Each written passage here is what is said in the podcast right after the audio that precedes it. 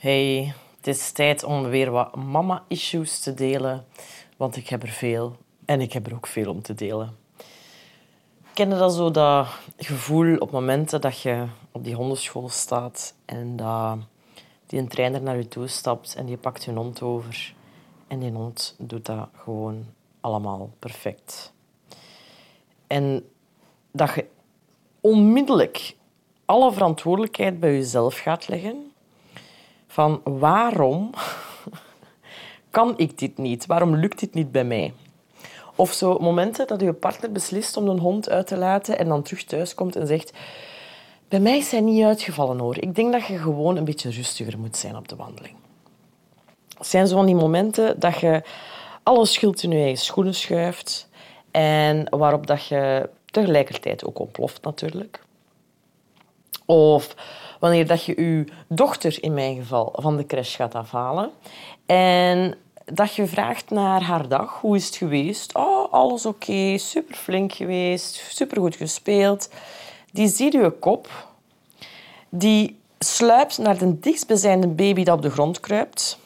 Die knijpt in die kaak, zodat die baby begint te huilen. Vervolgens loopt hij naar de eerste beste peuter dat in haar buurt staat en geeft hij gewoon een smak in haar gezicht. Terwijl dat ze al lachend naar u kijkt van... Kijk, mama. Dit is hoe ik ben als jij erbij bent. En dan volledig aan de grond genageld staat van... Wat de hel doe ik met deze situatie? Ze nog eens kijken naar de verzorgster van... Uh, en alles was oké vandaag? Die verzorgster dat dan terugkijkt naar u van... Uh, welke invloed heb jij op je, op je kinderen? En je zakt een beetje in de grond van schaamte. Anderzijds denkt je, oké, moet ik dit nu gaan corrigeren? Moet ik hier nu ter plaatse gaan straffen? Wat is dit? Waarom doet ze dit? Waarom gedragen mijn honden en mijn kinderen zich als perfecte wezens in andere omstandigheden bij andere mensen? En lijkt het alsof dat ik verzin dat dat gewoon pure horrormonsters zijn in mijn aanwezigheid. En ik weet hoe het komt het is niet alleen logisch, het is ook super frustrerend, maar het is gewoon een feit dat jonge dieren zich het slechtst gedragen, het meest gefrustreerd lopen, het meest geïrriteerd lopen als hun moeder in de buurt is. Ik heb bewijsmateriaal met hopen. Ik denk dat ik heel veel mama's hetzelfde ga horen zeggen. Dus ik ga mijn bewijsmateriaal sowieso kunnen spijzen met verhalen van anderen. Nu, daar zit iets... Daar zit iets biologisch achter natuurlijk. Dat heeft ook te maken met empathie en de zorgfunctie van moederlijke energie. En het heeft mij geholpen om dat een beetje te gaan ontrafelen voor mezelf, om dat een plek te kunnen geven. En om dat ook te kunnen verantwoorden dat ik meer stresshormonen aanmaak dan de mensen rondom mij als ze met mijn dieren of met mijn kinderen bezig zijn. En ik wil ook even normaliseren dat het dus, naar mijn gevoel, heftiger is voor moeders in opvoeding dan voor vaderfiguren of mannelijke energie in opvoeding. En je mocht mij tegenspreken, papa's, echt waar. Maar eigenlijk zou ik zo eens een dag in het leven met mijn honden, mijn kinderen moeten kunnen filmen. En dat ga ik er vergelijken met hoe dat, dat is bij de papa.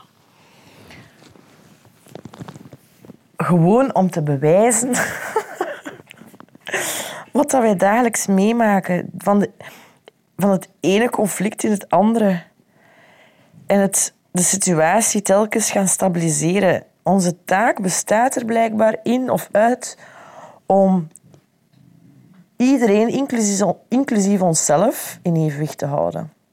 En onszelf in evenwicht houden is al de moeilijkste taak ter wereld, want wij hebben een hormonencyclus die maandelijks draait, uh, in verschillende fases terechtkomt. Dat is ook de reden waarom dat de anticonceptiepil bestaat, om ons een beetje te stabiliseren. Duidelijke mannelijke uitvinding. Pas op, hè. heeft veel goede dingen gedaan, maar uh, er zit zeker voordeel bij voor de mannen ook. Goed. dat was mijn rant. Ehm, ik wil heel graag horen of ik de enigste moeder ben die ervaart alsof het leven moeilijker is alleen met haar honden en kinderen die zich blijkbaar empathisch volledig openstellen. Of sorry, emotioneel volledig openstellen wanneer dat ze bij hun zijn. En wanneer er andere mensen in de ruimte komen, doen alsof er niks aan de hand is. Ik heb het gevoel dat ze spelletjes met ons aan het spelen zijn. Maar ik ga niet verliezen. Ik heb ze door. Ik heb ze door. En mijn, mijn shift van frustratie soms in die opvoeding is helemaal gedraaid naar een, een soort van zorgeloos je m'en fous gevoel. Waarbij dat ik zo meer zin heb om het allemaal wat te laten gebeuren. En ik was vroeger altijd zo jaloers op, op, op gezinnen of ouders die zo... Oh ja, het zijn maar hè, jonge honden of kinderen. En ik begin dan nu stilletjes aan ook te voelen. Zo op het einde van de dag, als ik dan ga wandelen met mijn honden. En uh, we komen een paard voorbij en, en ze, ze, ze, ze, ja, ze verliezen hun shit gewoon compleet op dat paard. Dan denk ik, oh ja, gaat ervoor. Go for it. Stom paard. Of mijn kinderen die dan in de speeltuin modder beginnen te eten. En dan denk ik, ja, smaak het. Vind het lekker? Ja? Oké. Moeten we vanavond misschien geen boterhammen meer eten? Ideaal. Zodat je m'en fous gevoel van, oh ja, ik kan er echt niks aan veranderen. Nee, nee, grapje. Tuurlijk ben ik niet all the way je m'en. Uh, ik keer echt wel nog om wat mijn honden en kinderen doen en laten en voelen. Maar het heeft mij wel doen ontspannen in een bepaalde zin. En het heeft mij ook weer doen inzien waarom het vaak de, de mannelijke trainers waren die mij pushten in kordater te zijn, in harder te zijn in mijn aanpak. Um, het is logisch, hè? Het, het, zit meer in die mannelijke energie. Dus het is, het is een absurditeit om dat op te dringen. En ik denk dat daar de evenwaardigheid in zit. Niet dat mannen en vrouwen gelijk zijn, maar dat er gewoon evenwaardigheid zit in het feit dat we net verschillend zijn. Um, en dat dat ook oké is. En dat het niet hoeft... Um, ja, zoals mijn partner dat soms kan zeggen van... Je zet er weer eieren onder aan het leggen. Hè. Um, dat er geen afbreuk mag gedaan worden aan de manier waarop wij in opvoeding staan. Niet als man, maar ook niet als vrouw. en dat mannelijke energie vaak harder gaat zijn dat is oké. En dat vrouwelijke energie vaak zachter gaat zijn en milder is ook oké. In elk van die energieën gaat een hond ehm, bepaalde lessen kunnen ehm, leren of die gaat daar bepaalde ondersteuning door ervaren. Ehm, het kan zijn in bepaalde situaties dat zij veel meer hebben aan die zachte vrouwelijke energie dan aan die mannelijke. En andersom ook. En dat is oké. Die mix daarvan is goed. En nu kunnen zeggen, maar Annelies, ik, ik heb geen partner of er is geen mannelijke energie in de, in de omgeving.